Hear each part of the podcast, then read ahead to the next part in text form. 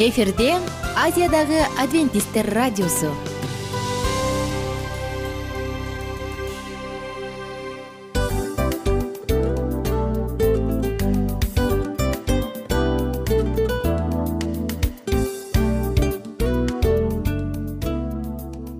Достор салют! Баардык сүйүктүү угармандарыбызга салам айтабыз. Кутман күнүңүздөр менен ден соолук өмүрдүн булагы демекчи саламат саамы программасында баарыңыздарды көргөнүбүзгө абдан кубанычтабыз. Анда алгач амандашып өтөлү арбаңыздар деп. Ден соолугуңуздар кандай? Э, элибизде көбүнчө ден соолук кандай дегенде эле жакшы деп жооп беребиз э? ооруп турсак дагы жакшы дейбиз. Анан мен муну айтып ойлойт элем бул абдан сонун сөз депчи анткени бул жакшы деген үмүт да ооба баары жакшы болот. Баары сонун. Деп үмүттөнүп атып эле өзүбүздү өзүбүз дарылап коебуз. Анысы кандай? Сиздин дагы ден соолугуңуз жакшы беш деген үмүттөбүз чындыгында ден соолук бул өмүрдүн булагы деп бекеринен айтылган эмес деп ойлойм. Кыргыз элинде. Анткени эгерде ден соолук жок болсо анда адамдын жашоосунда калган баардык керектүү маңыздуу нерселер өзүнүн баалуулугун жоготуп коет. Ошондуктан ден соолук бул эң керектүү нерсе. Ооба туура айтасың кесиптешим. Чынында ден соолугуң жок бир эки үч күн ооруп калсаң эле э кандай болуп калат? Жашоодо көз каранды болуп каласың көп нерсеге жетишпей каласың көп нерсени кыла албай каласың жада калса эшикке дүкөнгө да чыга албай каласың. Туп туура анан ден соолук болсо демек биз биздин бактыбыз тодойт деп койсок болот. Анда достор саламат саамы рубрикабызды баштайлы. Алдыда өзүңүзгө керектүү болгон сонун кеңештерди уга аласыздар. Мына ошондуктан биз менен бирге болуңуздар. Ал эми биз болсо милан жана айнура. Кеттик алга. Алга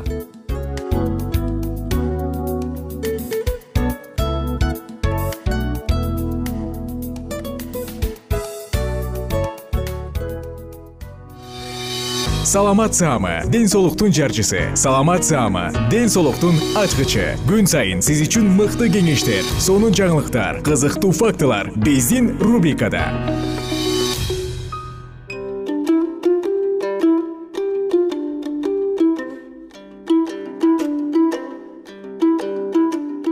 салам достор. Кутмандуу күнүңүздөр менен кайрадан эле сиздердин назарыңыздарда ден соолуктун ачкычтары программасы. Бүгүнкү программабыздын чыгарылышында өткөн берүүбүздө биз сиздер менен э, маектешип өткөндөй эле э, мончонун адам баласынын ден соолугуна канчалык деңгээлде касиеттүү жактары бар ушул туурасында кеп кылып келгенбиз.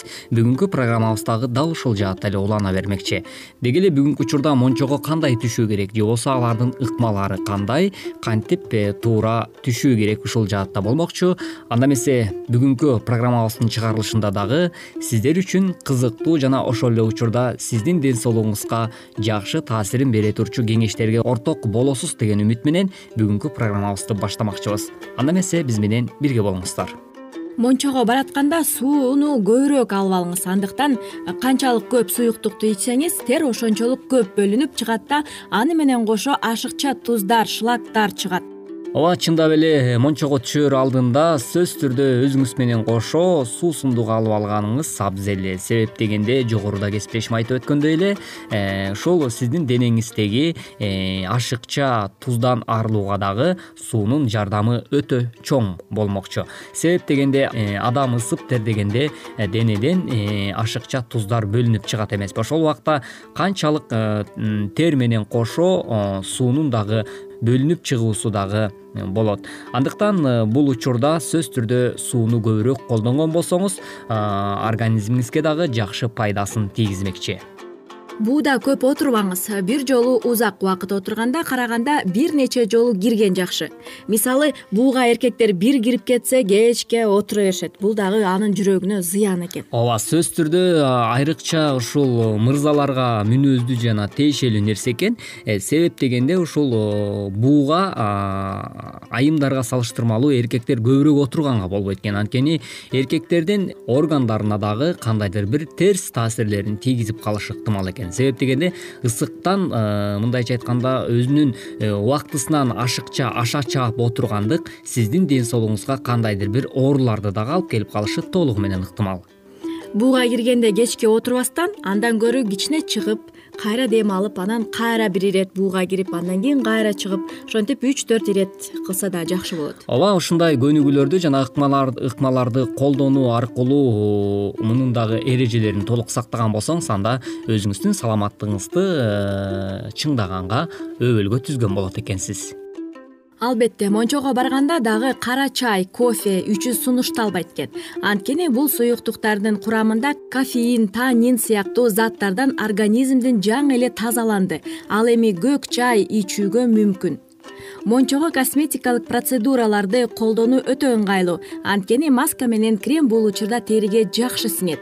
Андыктан айымдар маска крем скрабтарды дагы ала барсаңыз эң туура болот ооба жогоруда кесиптешим айтып өткөндөй эле кымбаттуу айымдар сиздердин кулагыңыздарга дагы күмүш сырга мончого түшөрдүн алдында мына ушундай э, косметикалык каражаттарды э, өзүңүздүн э, келбетиңизге жана чырайыңызга кам көрүүнү кааласаңыз бул жактан дагы колдонсоңуз өтө эле чырайлуу болгонго дагы жардам берет экен.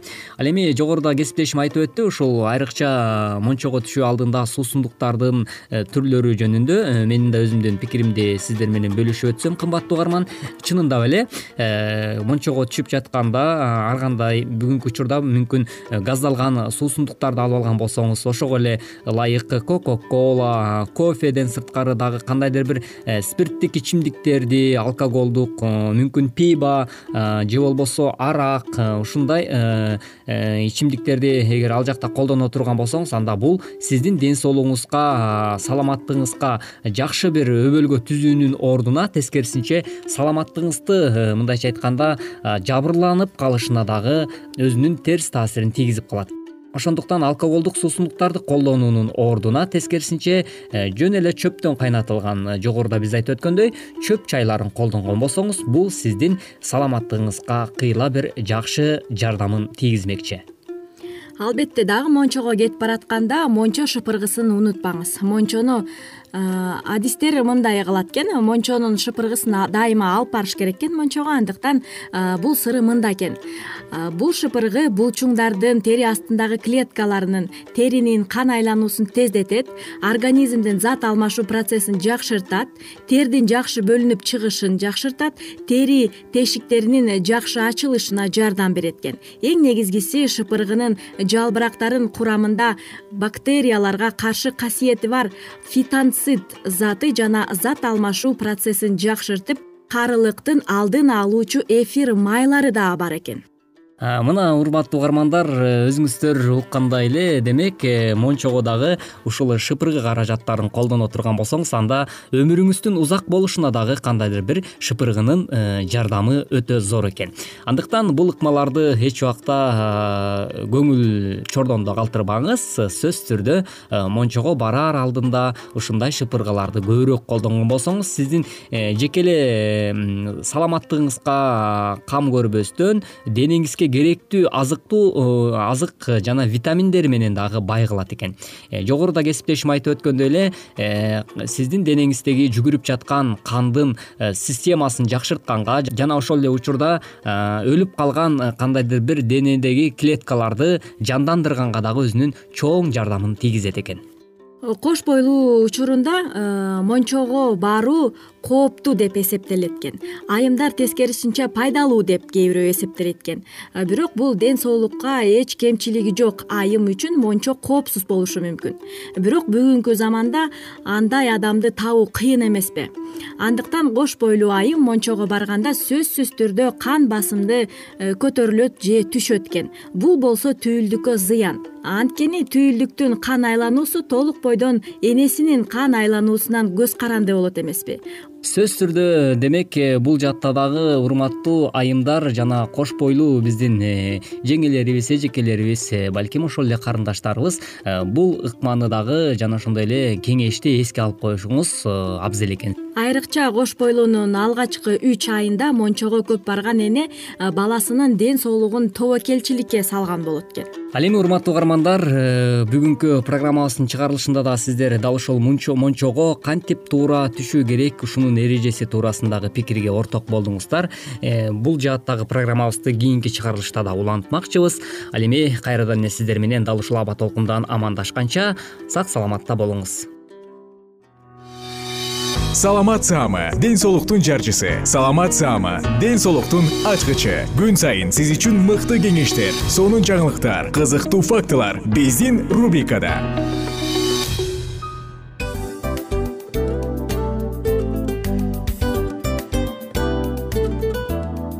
Салам достор кайрадан биздин сүйүктүү рубрикабызга кош келиңиздер деп айтмакчыбыз. Баардык замандаштарыбызга арбаңыздар деп саламыбызды айтабыз. Улуу ушундай бир урматтаган учурашуу менен анан дил маек радио баракчабызга чакырабыз. Негизи дил маек биздин рубрикабызда эмне жөнүндө кеп кылабыз бул дил маектин мааниси эмнеде? Рубрикабыз менен кичине тааныштырып кетсеңиз. Сөзсүз түрдө тааныштыра кетейин. Кесиптешим суранычы боюнча бул учурда бул радио баракчада биз ар тарап кесип ээлеринен сонун кеңештерди алабыз сүйлөшөбүз сырдашабыз аталарыбыздын эжелерибиздин апаларыбыздын кеңештерин угабыз. Айтор жан дүйнөгө адамдын э, сапатына адамдын деги эле адам болуп жашашына керектүү баардык кеңештер алдыда. Негизи э, дил маек дегенде баягы эки адамдын ортосундагы сырдашуу кенен сүйлөшүү. Негизи эле биз адамдар бири бирибиз менен бир жерге жай жерге отуруп алып өзүнчө тынч жашоо жөнүндө өмүрүбүздө эмне болуп атканын бөлүшкөнү жакшы көрөбүз э адамдар. Ооба туура айтасың анан мындай учурга кээде убакыт да жетпей келет э? Же болбосо сырыңды кайгыңды муңуңду кубанычыңды айткың келет а адамга ишенбешиң мүмкүн. Ооба. А бул радио баракча угармандарыбыздын чыныгы досу. Анткени бизден алган кеңеш сиздин жашооңузга чоң жардам берет. Ал эми сиздин бизге айта турган сөзүңүз ортодо гана сыр бойдон калат. Ошондуктан биздин дил маек рубрикабызга дагы бир жолу кош келиңиздер. Жана биз даярдаган маалыматтарга даяр болуңуздар. Айнура жана милан сиздер менен бирге алдыга кеттик ар түрдүү ардактуу кесип ээлеринен алтын сөздөр жүрөк ачышкан сыр чачышкан сонун маек дил маек рубрикасында.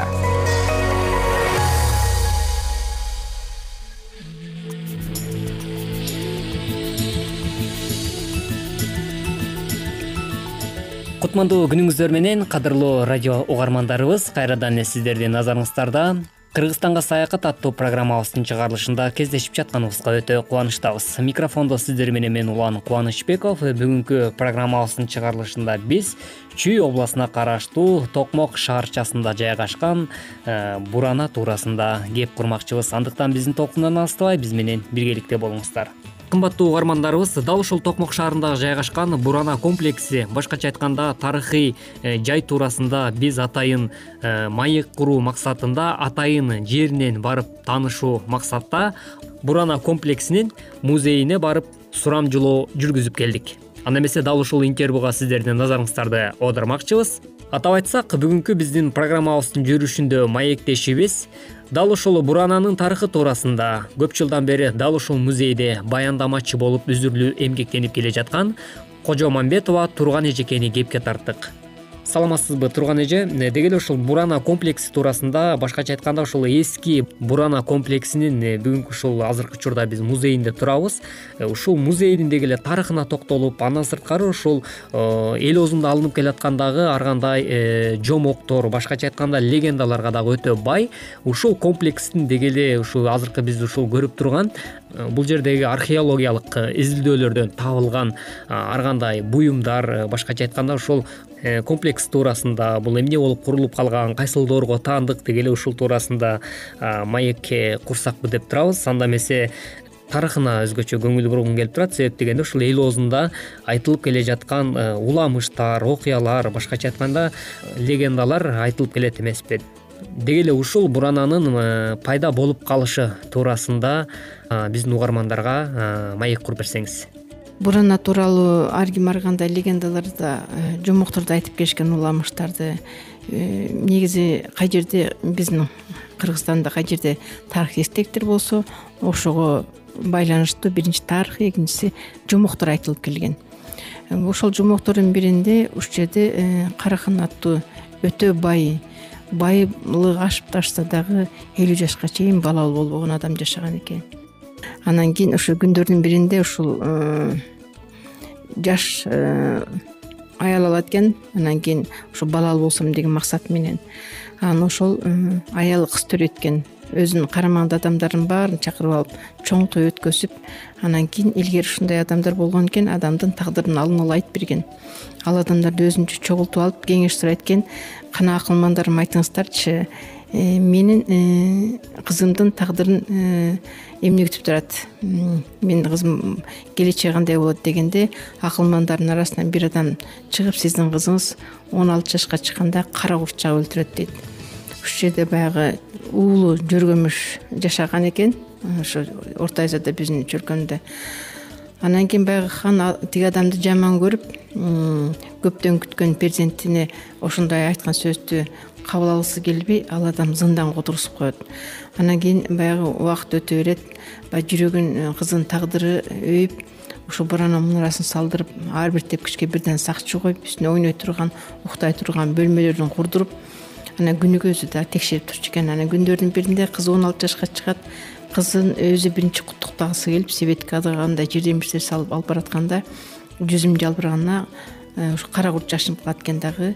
Э, баягы жер жемиш менен кошо барып кызын эки жолу чагып кыз өлүп калгандан кийин бул жер кара жолдо экен деп башка жака кууп кетиптир деген уламыштар айтылып келет. Караханиттер доору туурасында дагы э, айтып берсеңиз мына ошо сиздер э, көрүп турган жердин баардыгы бул карагандар доорунда бизге калган баласан шаарынын орду бул шаар бою кылымдар бою адамдар өтүп турган кербендер өтүп турган. Ошон үчүн бизде ар кандай диндер ар кандай маданиеттер болуп турган. Бурананын болсо бул ислам күчүнө кирип турганда жана жети жүз элүү биринчи жылы согуш болот эмеспи таласта арабтар менен э, кытайлар. Анан кийин э, кытайларды жоңгарларды калмактардын баарын сүрүп чыгып ошондо ислам күчүнө кирип баштайт.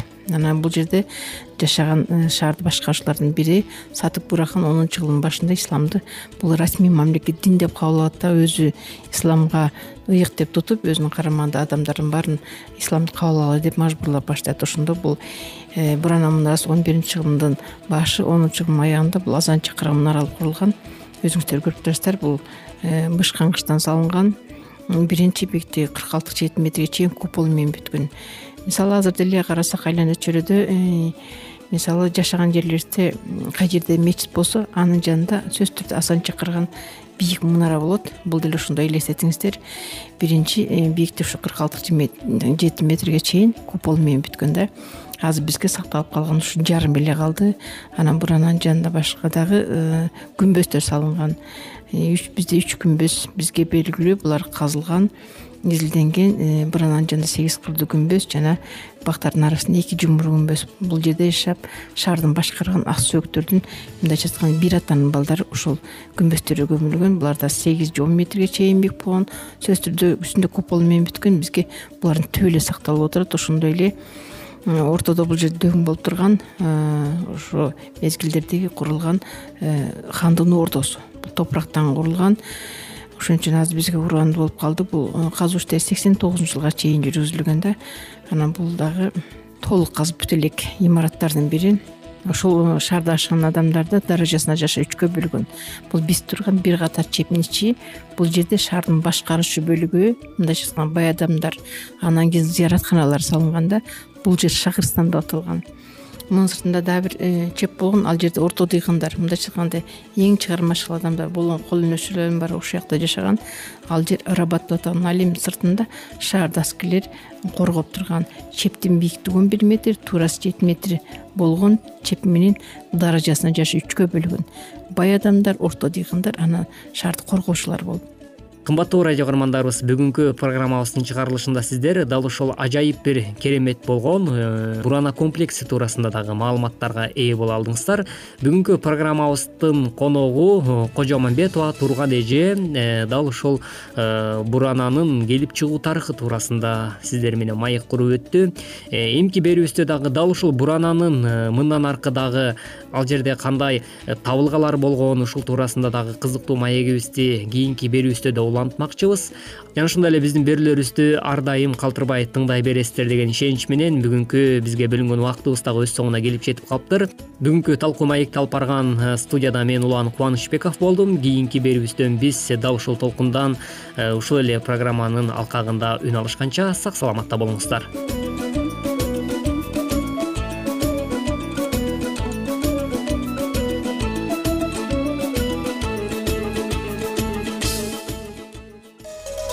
ар түрдүү ардактуу кесип ээлеринен. Алтын сөздөр жүрөк ачышкан сыр чачышкан сонун маек. Дил маек рубрикасында.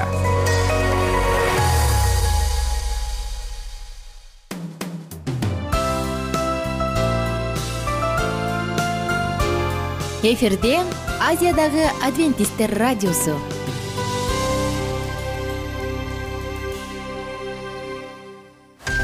жан дүйнөңдү байыткан жүрөгүңдү азыктанткан жашооңо маңыз тартуулаган жан азык рубрикасы.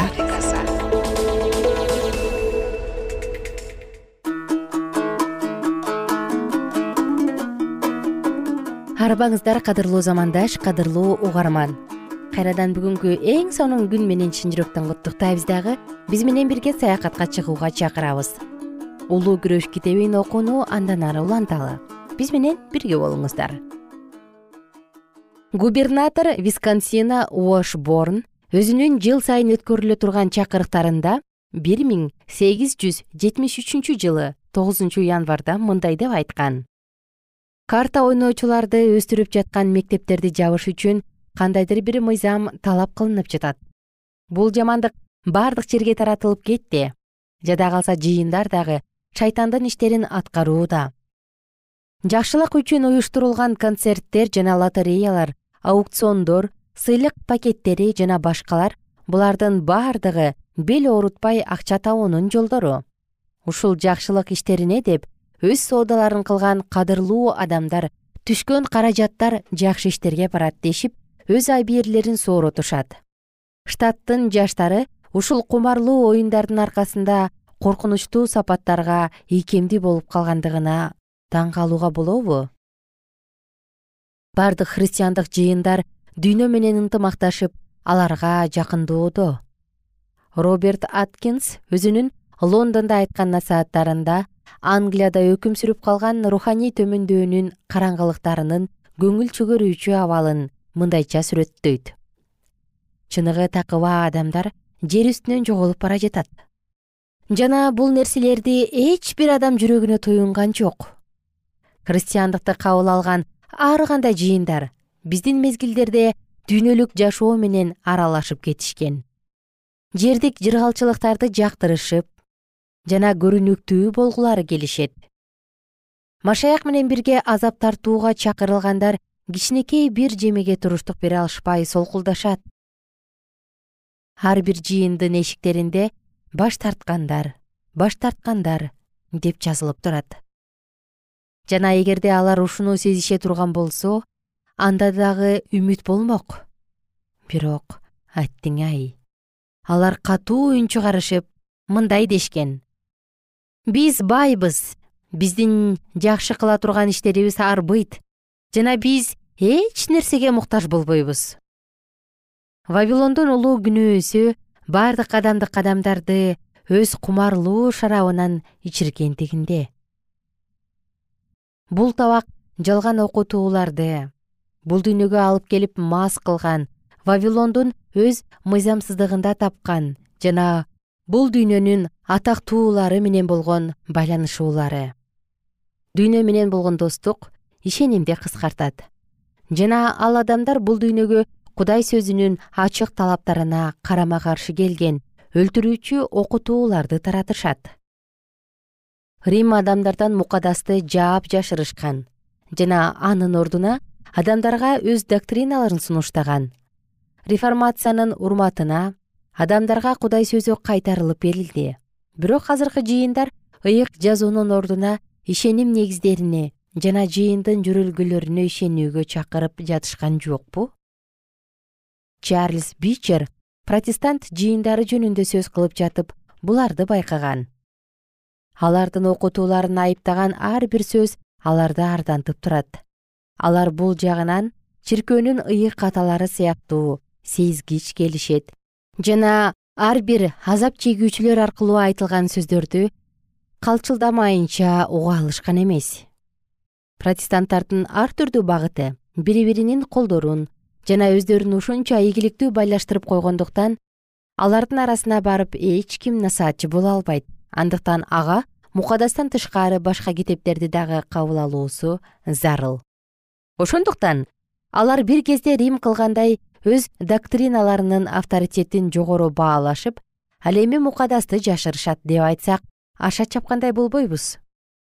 Бирок муну алар жымсалдоо менен жасашат. Качан ишенимдүү окутуучулар кудай сөзүн түшүндүрө башташканда ушул эле мезгилде билимдүү адамдар жана дин кызматчылар пайда болушуп кудай сөзүн биле тургандыгын эскертишет жана түшүнүктүү окутууларды жалгандык менен талкуулашып чындыкты издегендерди жолдорунан бурушат. Эгерде дүйнө вавилондун шарабына мас болбой турган болсо анда көпчүлүк адамдар кудайга кайрылышып жана кудайдын ачык жана белгилүү чындыктарын кабыл алышмак. Бирок диний окутуулар түшүнүксүз жана чармалыш болгондуктан адамдар эмнеге ишенерин билишпей калышат. Кайрыла эле күнөөнүн күнөөлөрү жыйындардын эшик алдында жатат. Аян китебинин он төртүнчү баптагы экинчи периштенин кабары биринчи жолу бир миң сегиз жүз кырк төртүнчү жылдын жайында насаатталып айтылган. Ал кезде бул кабар руханий төмөндөөгө кабылган жана эскертүүлөр бардык четке кагылган. Кошмо штаттардын жыйындарына багытталган болчу. Бирок бул экинчи периштенин кабары бир миң сегиз жүз кырк төртүнчү жылы өз толуктугуна жеткен эмес. Ал учурда жыйындар адвентисттердин кабарын кабыл албагандыктан адеп аклагы жагынан төмөндөөлөргө кагылган эле. Бирок бул жыгылуулар менен баары бүтүп калган жок. Өз учуру үчүн берилген өзгөчө чындыктардан баш тартуу менен. Алар төмөндөгөндөн төмөндөдү. Бирок азыр кулады вавилон кулады. Анткени ал өзүнүн бузукулук кумарлары толтурулган шарабынан бардык элдерге ичирген. Ал али бул нерселерин жасап бүтө элек. Бул дүйнөгө биргелешүү жана чындыкта сыналуучу илең салаңдыктар руху баштагысындай эле протестант жыйындарында бекемделип жатат. Жана буларды экинчи периште айыптап жатат.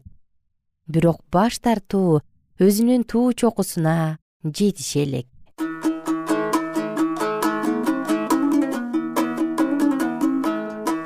Ардактуу досум сиздер менен кайрадан сонун кызыктуу тарыхка бай жана маанилүү китеп улуу күрөш китебинен үзүндү окуп өттүк. Жалпыңыздарга кааларыбыз жаратканыбыздын батасы дайыма жараткандын алдында таза адил жана ыйык деп табыла бериңиз. Ар бирибизди жаратуучубуз өзгөчө баталасын сиздер менен кайрадан кийинки уктуруудан амандашканча сак саламатта калыңыздар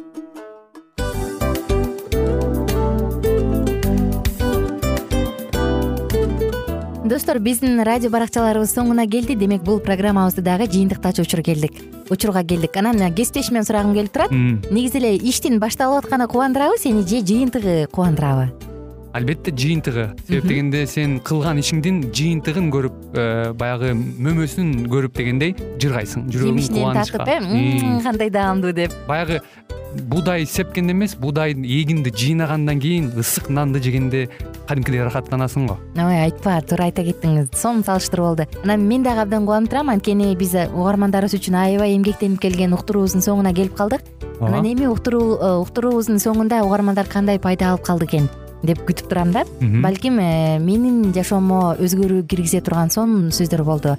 Мен ушул нерсени изилдеп анан кабыл албасам ушул нерсени кылбасам деген чечим чыгарсаңыз анда биз абдан кубанычтабыз. Сөзсүз түрдө андыктан кийинки биздин кызыктуу уктурууларыбыздан көрүшкөнчө сак саламатта калыңыздар. Чыдамсыздык менен сиздерди мен милан жана кесиптешим айнура күтөбүз баардык угармандарыбызга ийгиликтүү күн каалайбыз. Качан гана болбосун уртуңуздан жылмаюу кетпесин үйүңүздө көмүр жүрөгүңүздө көңүл болсун дейли